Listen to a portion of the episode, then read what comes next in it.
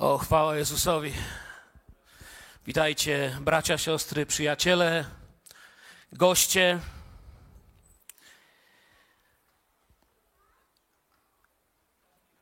Nosimy często tak zwane smartwatche. Ja na przykład mam.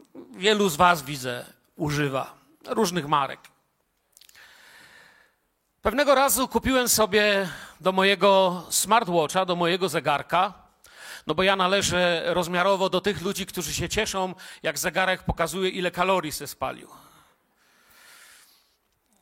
Niektórzy mnie rozumieją, niektórzy nie.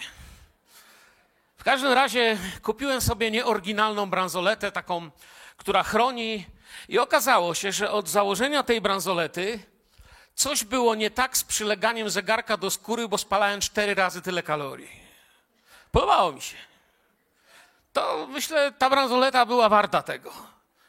Ponieważ zegar zaczynał wskazywać normalnie, mniej więcej około godziny 12 już miałem tak no jedną trzecią kalorii na dany dzień, którą trzeba spalić, ale trzeba było dorobić na orbitreku, a przy tej bransolecie była dziewiąta rano, a ja już byłem za połową. Dobra bransoleta. No właśnie. Tylko czy o to chodzi? Czy tego chcemy? No bo ta bransoleta była może dobra, gdybym, nie robię tego, ale gdybym publikował moje wyniki spalania kalorii mm, w internecie, no to może któryś ze znajomych lekarzy mi powiedział, chłopie, ty spalasz kalorie jak oddziały specjalne, nic po tobie nie widać.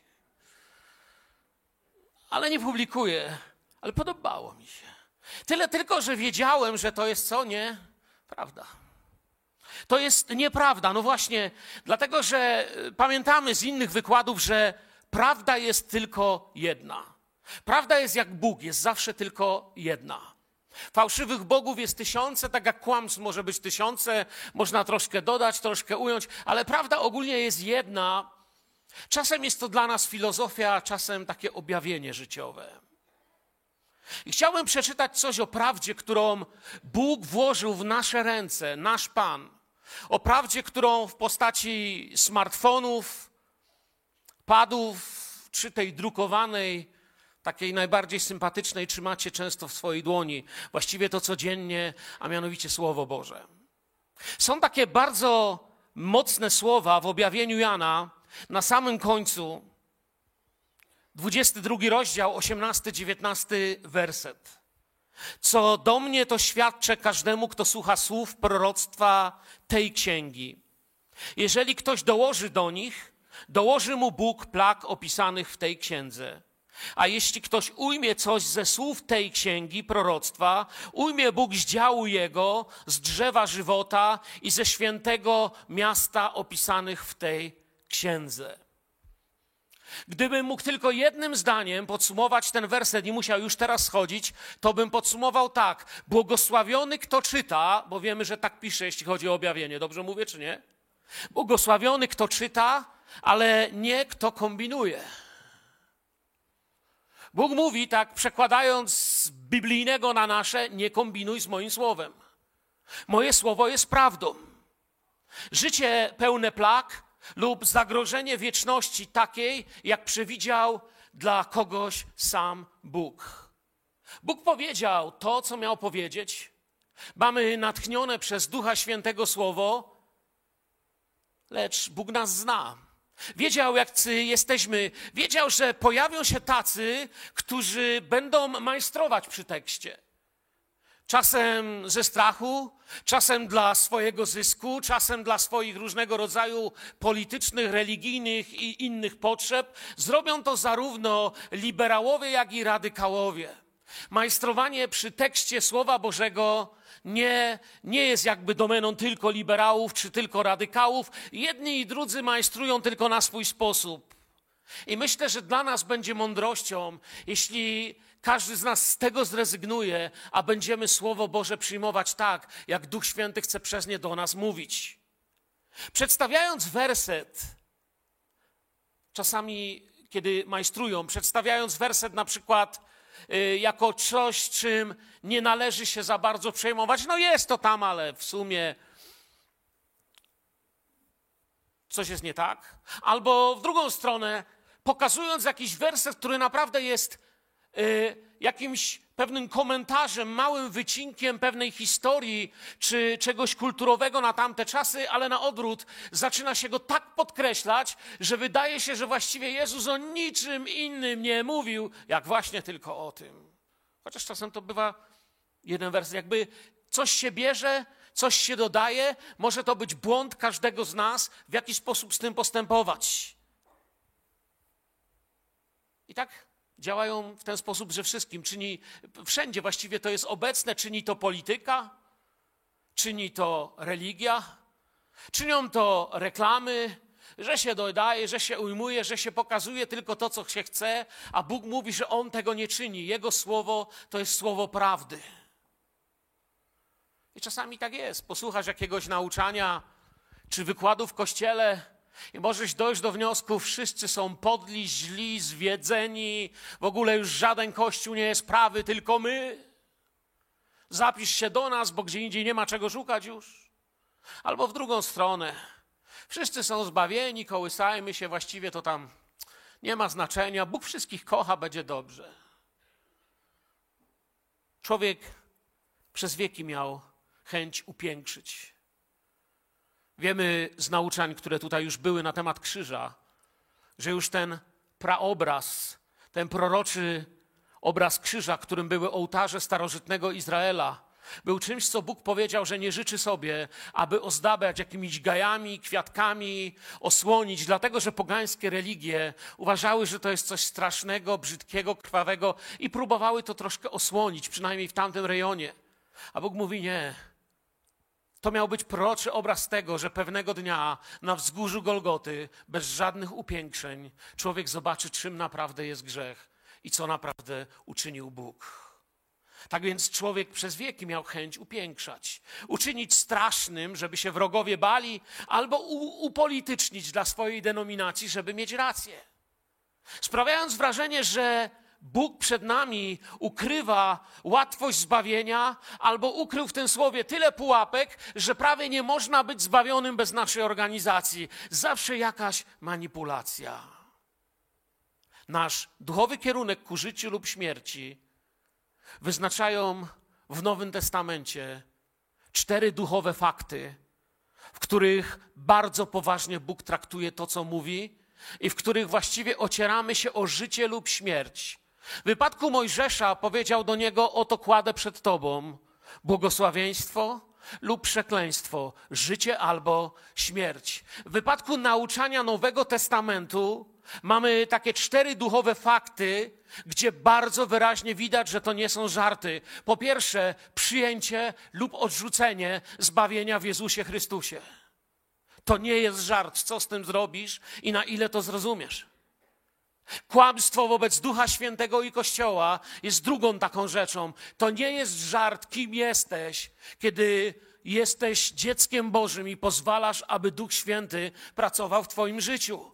Po trzecie, jest to wieczerza pańska, gdzie apostoł mówi, by coś z sobą zrobić, coś w sobie sprawdzić. Można by było całe nauczanie na ten temat zrobić, ale nie jest to dla Boga coś obojętnego. Czujemy, że Pan Bóg naprawdę poważnie traktuje tę sprawę. Jak całe słowo, ale to są te takie cztery jakby kotwice tej, Bożej powagi, że tak to po swojemu nazwę. I na koniec właśnie jest to podejście do Słowa Bożego jako czwarta. A więc przyjęcie czy odrzucenie zbawcy, kłamstwo wobec Ducha Świętego i Kościoła, wieczerza pańska i podejście do Słowa Bożego. To są te rzeczy, przy których Bóg mówi: Słuchaj, to jest życie albo śmierć. To są bardzo ważne rzeczy dla ciebie. I Bóg się nie z nikim nie będzie spierał, czy ktoś wierzy, że on dotrzyma słowa, czy nie wierzy, że on dotrzyma słowa. Bóg mówi: Takie są moje prawdy. Jak mu ktoś nie wierzy, no to nie ma właściwie znaczenia, co zrobi. Nawet jeśli nic nie zrobi, jeśli nie uwierzył, to będzie potępiony. To jest prawda Słowa Bożego, z którą ta ludzka pycha nie chce się zgadzać, ale przez wiarę mamy zbawienie. Jeśli bawi się ktoś zapisem w ważnej dla Bożego celu księdze, nie będzie miał zapisu w ważnej będzie mu ujęte z zapisu ważnej dla jego wieczności księdze. Jeśli dołoży, to będzie miał więcej niż chce. Czasem słyszę, jak niektórzy dokładają sądu i oskarżeń wobec bliźnich, nawet w czasie nauczania czy kazania. Jezus powiedział o faryzeuszach: Słuchajcie, oni właściwie mówią prawdę, ale nie czynią tego, a w innym miejscu powiedział coś dużo bardziej wskazującego na ich motywy. Nakładacie na ludzi więcej niż ludzie mogą unieść. Sami tego nie jesteście w stanie unieść, ale dajecie na nich. Będą się musieli z tym zmierzyć. I te plagi są opisane w tej księdze. Nie chcę teraz dyskutować, wiecie, jest ogromna dyskusja teologiczna, czy kiedy właśnie te plagi, uciski i wszystkie rzeczy zaczną się dziać. To będzie Kościół tutaj, czy to już będzie po zabraniu Kościoła. Y, mam swoją opinię z tym, że nie chcę w tej chwili dyskusji tutaj rozwijać. Moja odpowiedź zawsze przy tego typu sporze jest taka: jest absolutnie bez sensu, jeśli o takie rzeczy ludzie się pokłócą i zaczynają się nienawidzić. Wtedy właściwie nie ma znaczenia już, kto ma rację. I ogólnie tak jest w Słowie Bożym. Nie ma znaczenia, kto ma rację z czasem przyjścia Pańskiego. Ważne jest, kto jest gotowy, aby mieć udział w przyjściu Pańskim. W każdych okolicznościach, w których jesteśmy, no bo inaczej o ucisku będzie rozmawiał Kościół polski, amerykański czy szwajcarski, a inaczej powiedzmy Kościół w Afganistanie, Pakistanie czy gdzieś w Syrii. Różne rzeczy przychodzą nam przyjść. Mamy być gotowi mówimy zawsze, że EKG Kościoła, zdrowe EKG serca Kościoła to jest co? Przyjdź, Panie Jezu.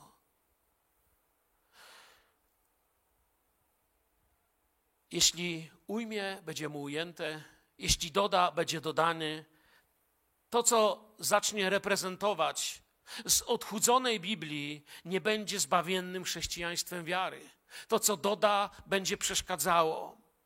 I dzisiaj jest oczywiście modna taka arogancka postawa takiej aroganckiej nauki i teologii, która jest nią tylko z nazwy. Dumny człowiek uważa, że coś może odłożyć albo dołożyć, bo to było dawno, bo to pomyłka, bo to nie wiadomo, bo to bo nauka.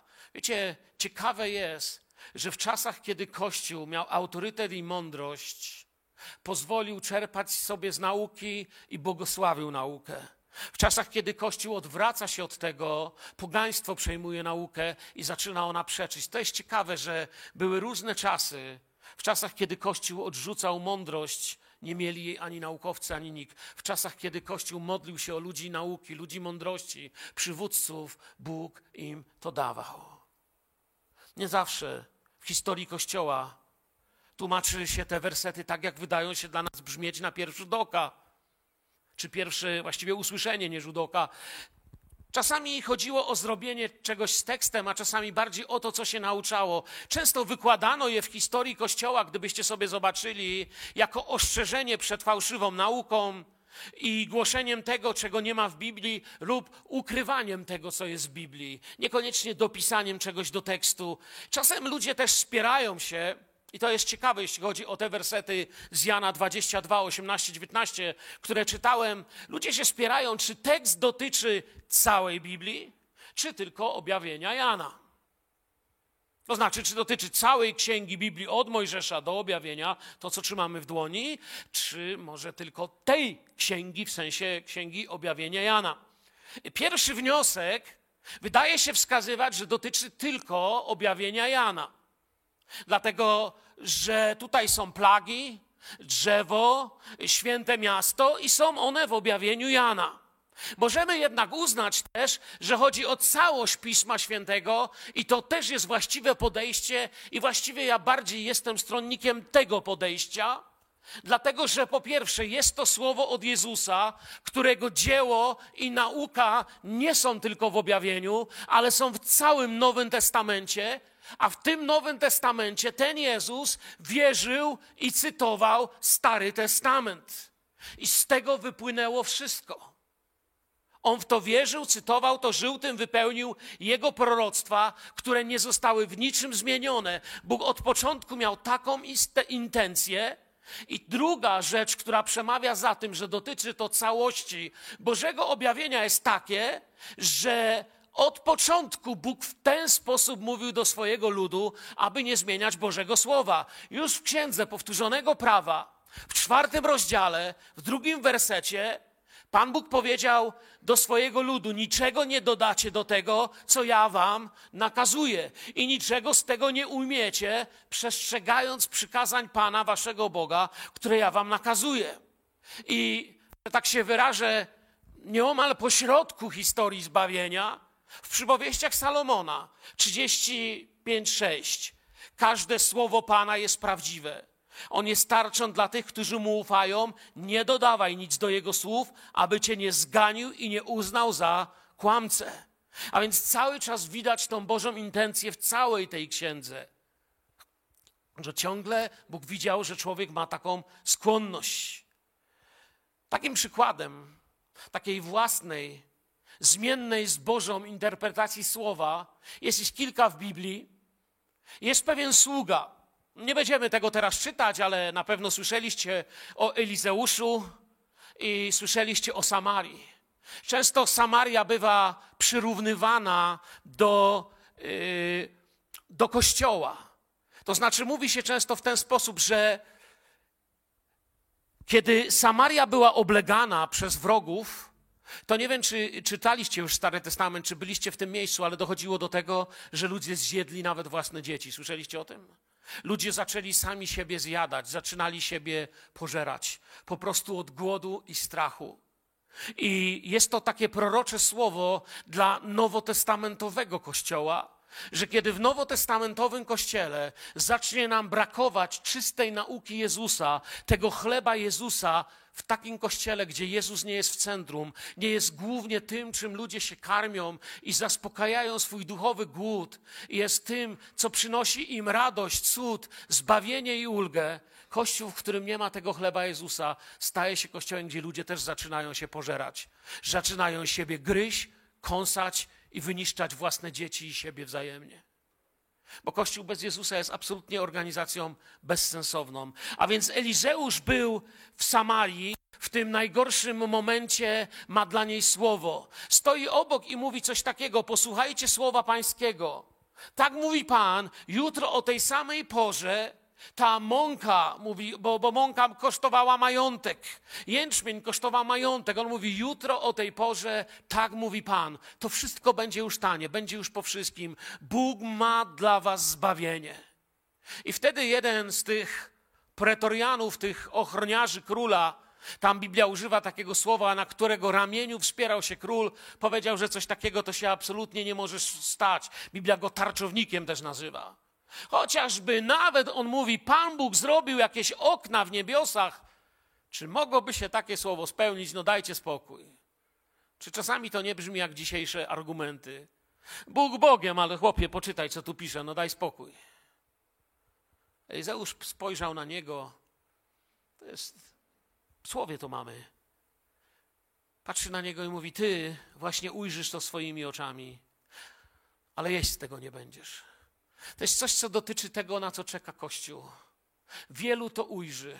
Wielu ujrzało Golgotę i wielu to ujrzy, co Bóg czyni, ale nie będą z tego spożywać, bo tajemnica jest w przyjęciu Słowa Bożego tak, jak ono jest podane. Tu jest tajemnica. Bywa, że ludzie mówią, iż jedyną na przykład prawdziwą Biblią, no bo wtedy mówią, no dobra, no to, to jest Biblia, ale wiesz, zależy jaką czytasz. I znów się zaczyna. My się potrafimy o wszystko pokłócić.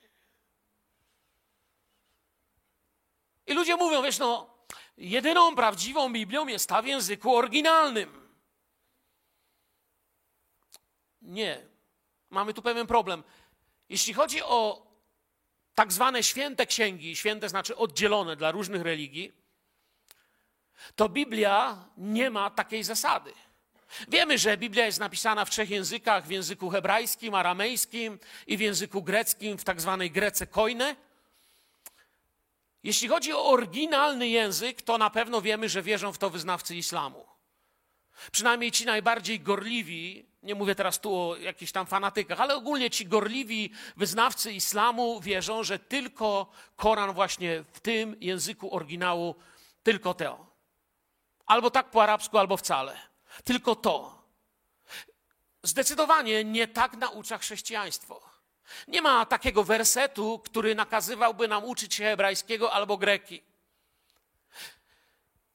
Dla Żydów hebrajski jest uważany za taki, oni to nazywają Lashon HaKodesh, czyli święty język albo święta mowa, czy święte powiedzenie czegoś. Szczególnie uważają to w środowisku ortodoksyjnym, czyli tam, gdzie nie przyjęto Jezusa jeszcze jako Mesjasza. I używanie innego języka nauczają tacy ortodoksi, absolutnie unieważnia słowa Boga. Tak Pan Jezus nigdzie nie nauczał i nie jest to nauka Kościoła. Inna rzecz, którą dodam dla miłośników Słowa Bożego, rzeczywiście hebrajski jest najpiękniejszym językiem, czy aramejski Starego Testamentu i najlepiej w nim można zrozumieć to Słowo. Dlatego się go uczą miłośnicy Słowa Bożego, chcą go poznać, chcą poznać słówka i ich znaczenie. Tutaj nie o tym teraz mówimy. W jakiś sposób rzeczywiście tak jest, ale nie o tym mówią nam dzisiejsze Boże ostrzeżenia. Bóg nie mówi, że kto nie będzie czytał po hebrajsku i po grecku, no to koniec. Wiecie, gdzie, skąd wiemy, że Bogu nie zależy, abyś przyjął to słowo w języku oryginału? Wiele jest takich miejsc, powiem wam o jednym, które mną wstrząsnęło.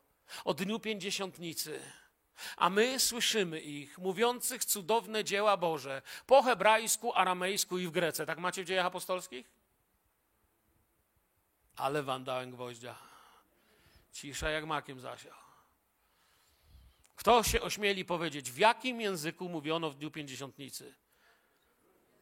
O, ożywił się zbór. Słyszymy ich mówiących w naszych językach. Bóg postanowił, że cudowną wiadomość o Jezusie będzie głoszona w tych językach ludu, które tam przyszły i w Jerozolimie, w Samarii i aż po krańce ziemi. W dniu pięćdziesiątnicy okazało się, że nie język, a osoba jest tym, czym się charakteryzuje chrześcijaństwo. Chrześcijaństwo nie było nigdy spotkaniem z filozofią księgi.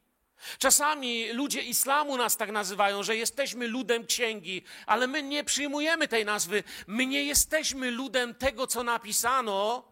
My jesteśmy ludem tego, który żyje i wypowiedział to słowo. Nie jesteśmy ludem księgi, ale żywego, Bożego, natchnionego Duchem Świętym słowa. Amen.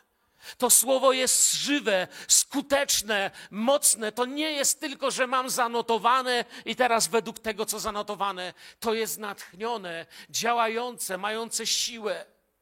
On wypowiedział słowa i światy i wszechświaty powstawały. On wypowiada słowa i dzieją się rzeczy.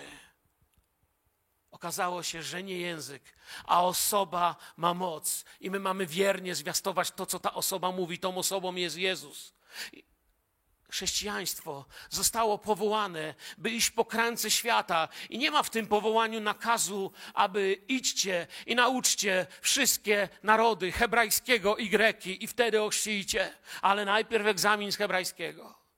Nie, idźcie, nauczcie, powiedzcie im. Niech usłyszą o mojej miłości, tak jak po, po, po, potrafią. Jest nakaz reprezentowania Jezusa, nakaz stania w imieniu Jezusa, czyli posłany przez Jezusa. Aktem miłości.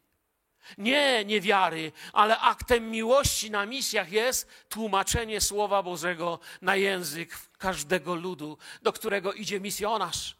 Żaden misjonarz nie poszedł gdzieś do dżungli, do ludożerców i nie powiedział im, uczcie się hebrajskiego, greki, no i aramejskiego, wtedy nawet księgę Daniela trochę przeczytacie.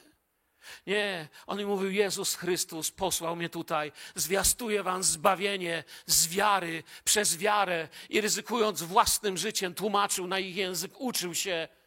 Jest wiele pięknych fundacji, które uczą ludzi pojąć, jak tłumaczyć Niektórzy misjonarze, o których czytałem, musieli wymyślić najpierw w ogóle litery, bo dane ludy nawet liter nie miały, a więc potrzebowali określić, ile dany język potrzebowałby liter, żeby się w ogóle dało w nim mówić, i tak dalej, i tak dalej. To był akt miłości, akt mądrości, w której Duch Święty ich błogosławił. A więc tu nie chodzi w Biblii o to, żeby był oryginalny język.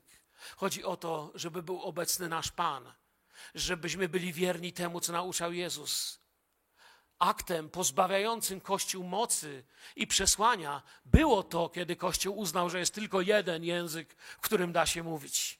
Ja nie wiem, czy ktoś inny niż sam diabeł mógł wymyślić, żeby na przykład, no co byście powiedzieli, jakbyśmy z Radą Starszych i pastorami ogłosili, że od dzisiaj w Filadelfii tylko po mandaryńsku będą kazania. Ale przychodźcie, wierzcie, że to, co mówimy, jest naprawdę dobre. W historii Kościoła już tak było. Tyle, że nie był to mandaryński, nie był to inny chiński, nie był to hebrajski, wymyślili, będą mówić po łacinie.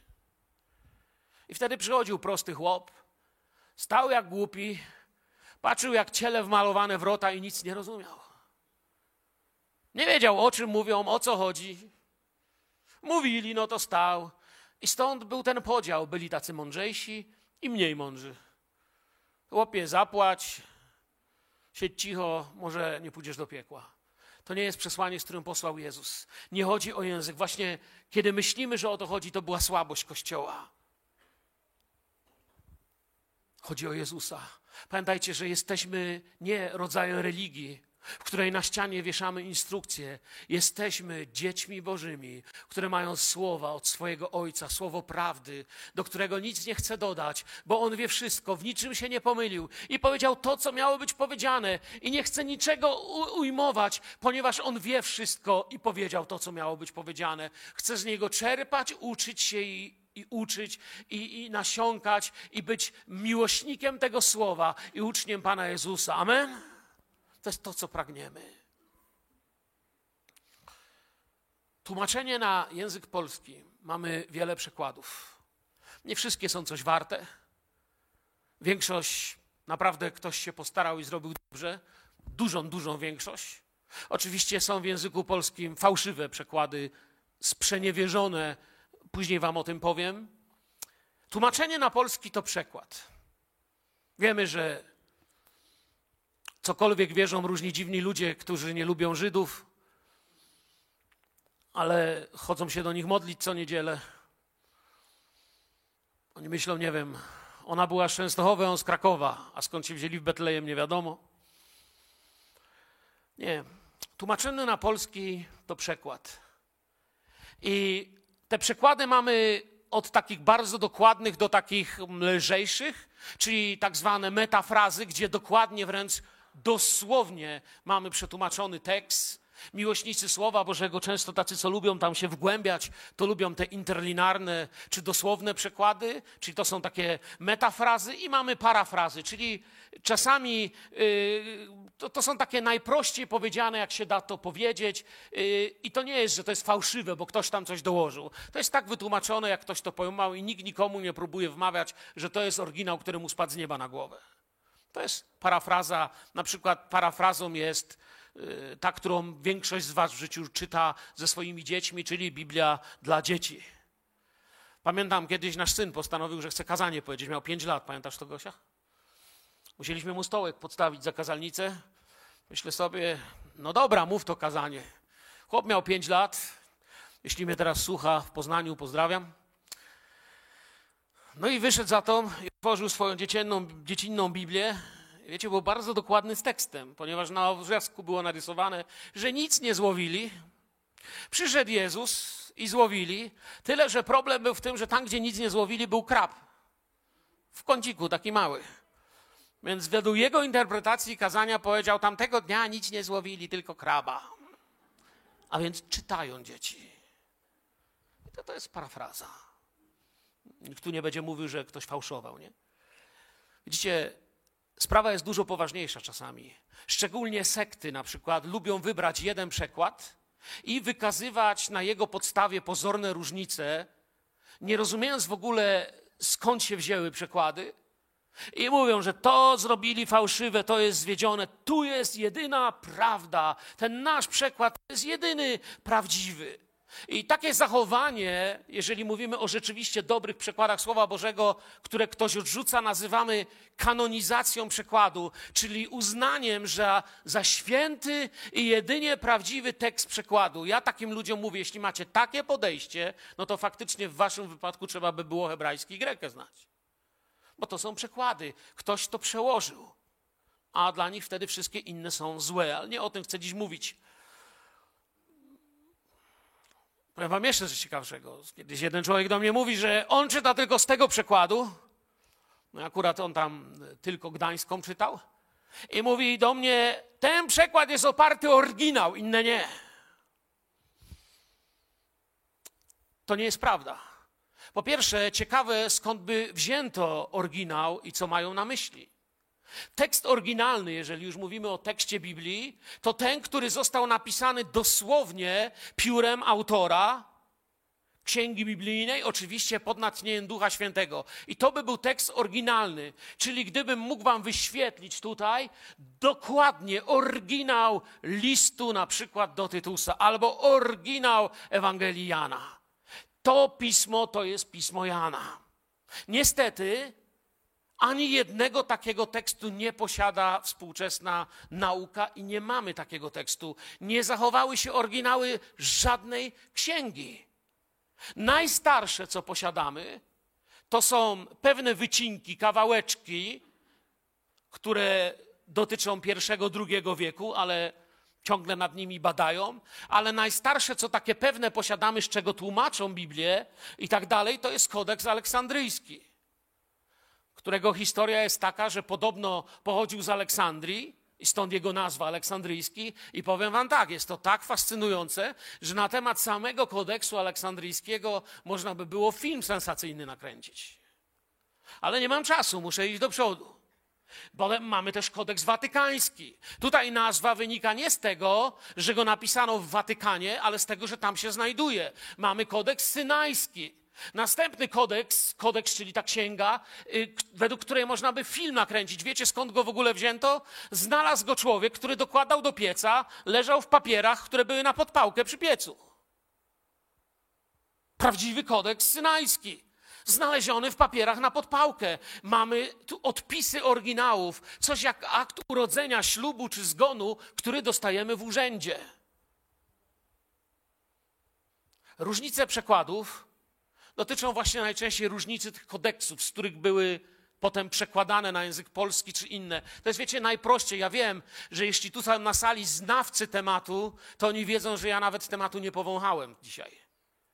Na ten temat księgi można by pisać i kazanie by trwało, nie wiem, do następnej niedzieli i bym nie skończył. To nie jest cel tego, co chcę Wam powiedzieć. Cel idzie w tym, abyście uwierzyli w Słowo, że ono jest pełne, że nic nie trzeba z niego zabierać, nic dodawać. Bóg dał Wam wszystko, Bóg dał mi wszystko, co jest mi potrzebne, abym skutecznie szedł za Jezusem w moim życiu. I nie ma w różnych przykładach, nie wiem, jakiejś próby naruszeniu teksta, tekstu, przepraszam, Słowa Bożego z pewnymi wyjątkami. My mówimy o czymś innym tu też jeszcze. Słowo Boże ostrzega, by nie dodawać nic do Biblii, ale gdyby ktoś chciał coś usunąć, ostrzega i przed tym. Ma być tak, jak Bóg podał i każdy uczciwy przekład tak jest zrobiony. Właśnie, powiedziałem, że są też przykłady sfałszowane. I znamy takie.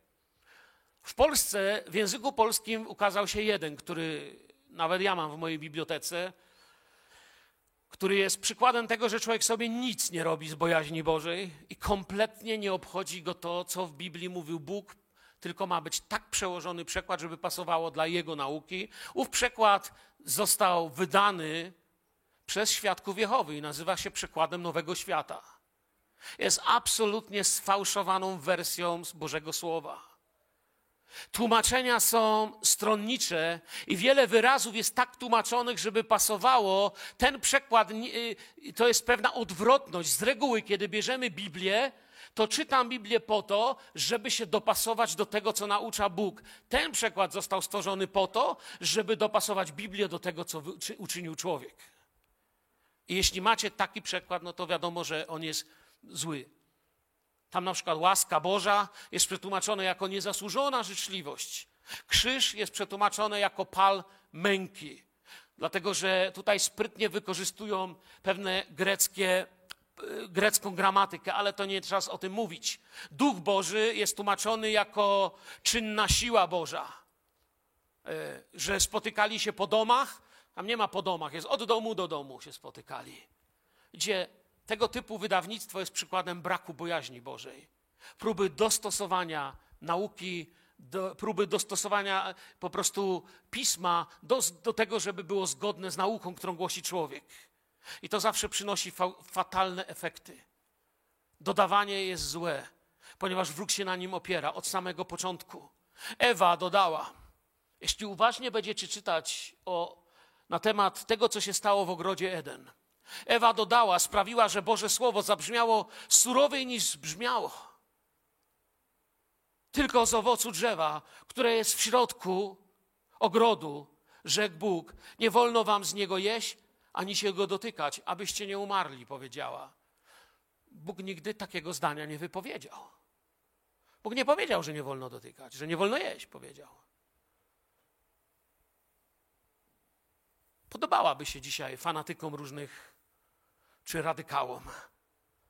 Fakt, że Bóg powiedział, ale ona jak dodała jeszcze, to takie ludzkie, takie radykalny teolog z liberalnym podejściem do życia, zawsze zwalający winę na innych. Tacy właśnie oni byli, tacy my jesteśmy. I Bóg to wiedział, kiedy dał nam te słowa ostrzeżenia. Dodając coś sprawiła, że Boża dobroć stała się dyskusyjna. To doprowadziło do reszty klęski.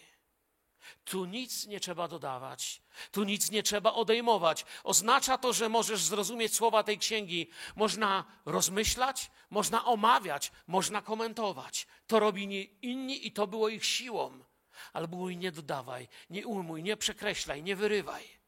Dzisiaj, w dzisiejszej kulturze jest coraz więcej wersetów biblijnych, które powoli stają się nielegalne. Są kraje, w których za przeczytanie wersetu biblijnego można pójść do więzienia chcą, aby odejmować.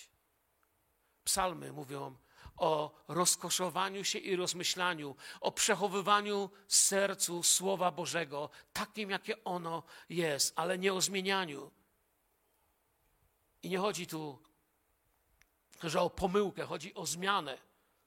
Ja się kiedyś pomyliłem, do dziś pamiętam kazanie bożonarodzeniowe, taki zamyślony głosiłem i niedawno mi się to przypomniało i się trochę śmiałem, bo nikt, z, wiecie, nikt w kościele, każdy tu słuchał i wszyscy siedzieli.